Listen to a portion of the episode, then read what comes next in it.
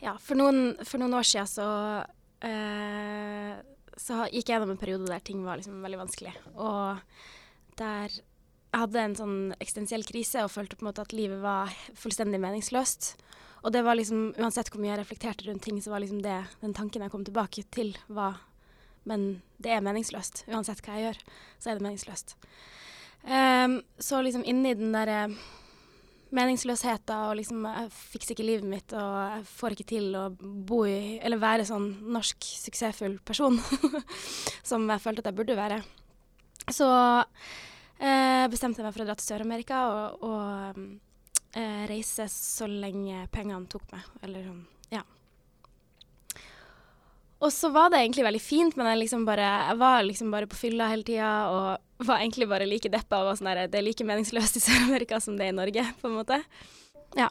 Så skulle jeg reise til en by, eh, en annen by, og dro inn i sånn couchsurfing. Jeg skulle liksom couchsurfe med masse andre sånne folk hos en, en peruvianer som, som bodde der. Um, og, og, akkurat liksom når jeg går, eh, liksom gå rundt hjørnet og liksom møte de folkene som står der, de andre som også skulle bo der, da. Det var liksom folk fra, fra hele verden. Så ser jeg en sånn gutt med sånn eh, mørk i huden og sånn langt sånn eh, sort hår og bare sånn smil og øyne som bare stråler liksom mot meg. Og vi Og det var bare sånn energi som bare Det var helt sånn OK, herregud, her er det noe Her er det et eller annet som vi på en måte ikke Eller som vi bare Eller som jeg ikke forsto. Og det var akkurat som at jeg så han som jeg hadde drømt om. Eller det var akkurat som at han, han plutselig ble virkelig på en måte en eller annen person som jeg hadde hatt inni meg, på en måte. Eh, så vi dro liksom ut den kvelden, og han var liksom på meg hele tida, og jeg var litt sånn OK, det her er sykt fint, jeg elsker å være med han, men jeg, men jeg på en måte holdt veldig tilbake, da. Og var sånn der Nei, det her er ikke vits å gå inn i, og det her orker jeg ikke, og det her vil jeg ikke, på en måte. Og sa egentlig bare sånn nei konsekvent. Eh, men så endte det opp med at vi sov sammen, og så eh, i et telt utafor eh, det huset vi egentlig skulle sove i, fordi vi hadde lyst til å være alene. Og så Og så stakk jeg av før han våkna opp om morgenen, fordi jeg torde ikke å våkne opp med han og face at jeg, at jeg måtte si nei til han, fordi at jeg hadde bare lyst til å si nei. Nei jeg, jeg, tror jeg på en måte, jeg tror jeg identifiserte meg selv veldig mye med å ha det vondt, da. Eller også og at jeg skulle ha rett. At på en måte jeg skulle ha rett i min smerte, og jeg skulle ha rett i min eh, mening om at livet var dritt og meningsløst. Og sånn at hver gang, hver gang det kom en sånn derre impuls til å danse, eller impuls til å ha det bra, eller, eller gjøre noe som var liksom godt, så var, det, så var det en trussel for mitt ego. Og det var en, det var en stor eh, Det var veldig risikofylt da, å skulle slippe det. Fordi visste, da visste jeg ikke hva som kunne skje. Og da hadde jeg ikke den tryggheten av å uh, definere livet i, at, uh, i, en boks og si at livet er sånn, og jeg er sånn, og jeg eh, er et offer, på en måte.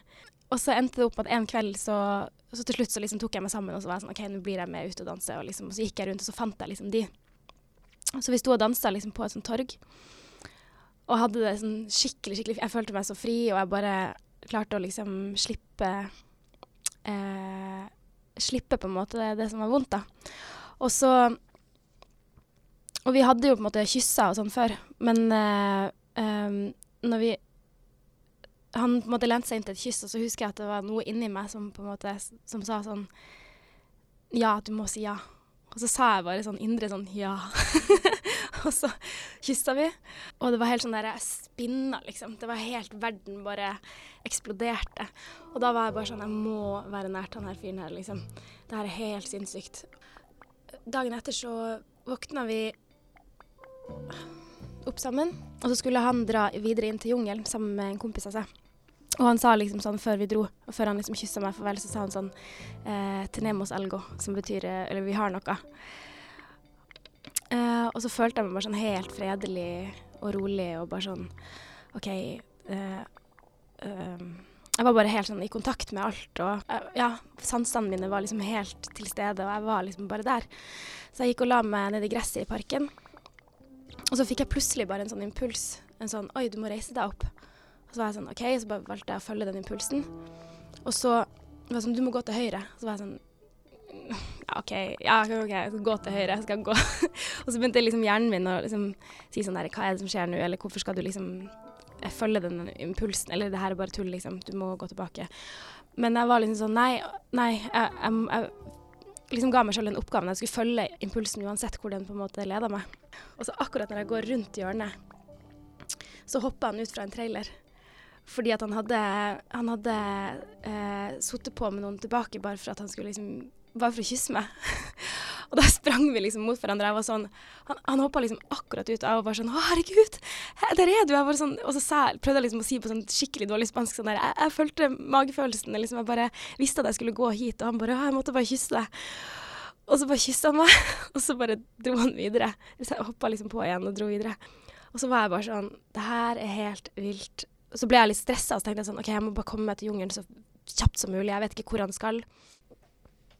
Og så til slutt så tenkte jeg sånn OK, nå tar jeg bare bussen over til Chachapoyas, som er en sånn uh, um, by sånn høyt oppe i skyene i jungelen.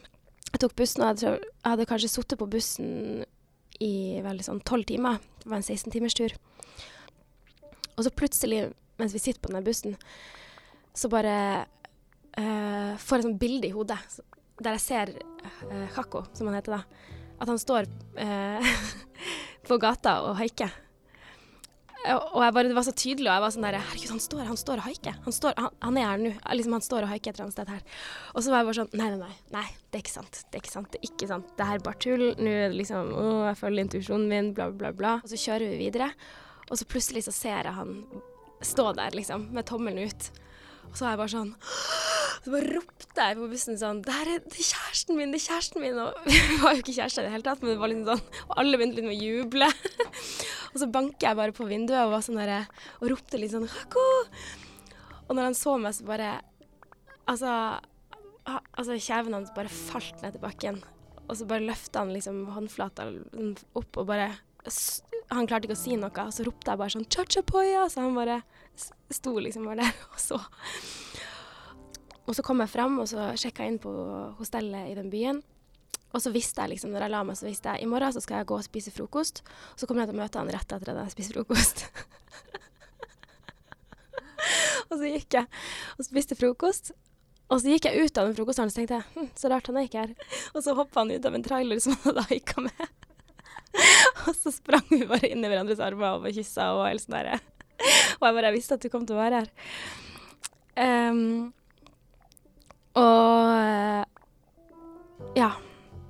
Og da ble vi jo bare dritforelska. Eh, jeg husker det, eller jeg syntes han var så dum fordi at han eh, eh For jeg spurte han hva er meninga med livet, som var min sånn lakmustest på gutta på den tida. Og så var han sånn Og så sa han at eh, meninga med livet er å være glad. Og det syns jeg var skikkelig teit. Men jeg prøvde å ta det seriøst, da.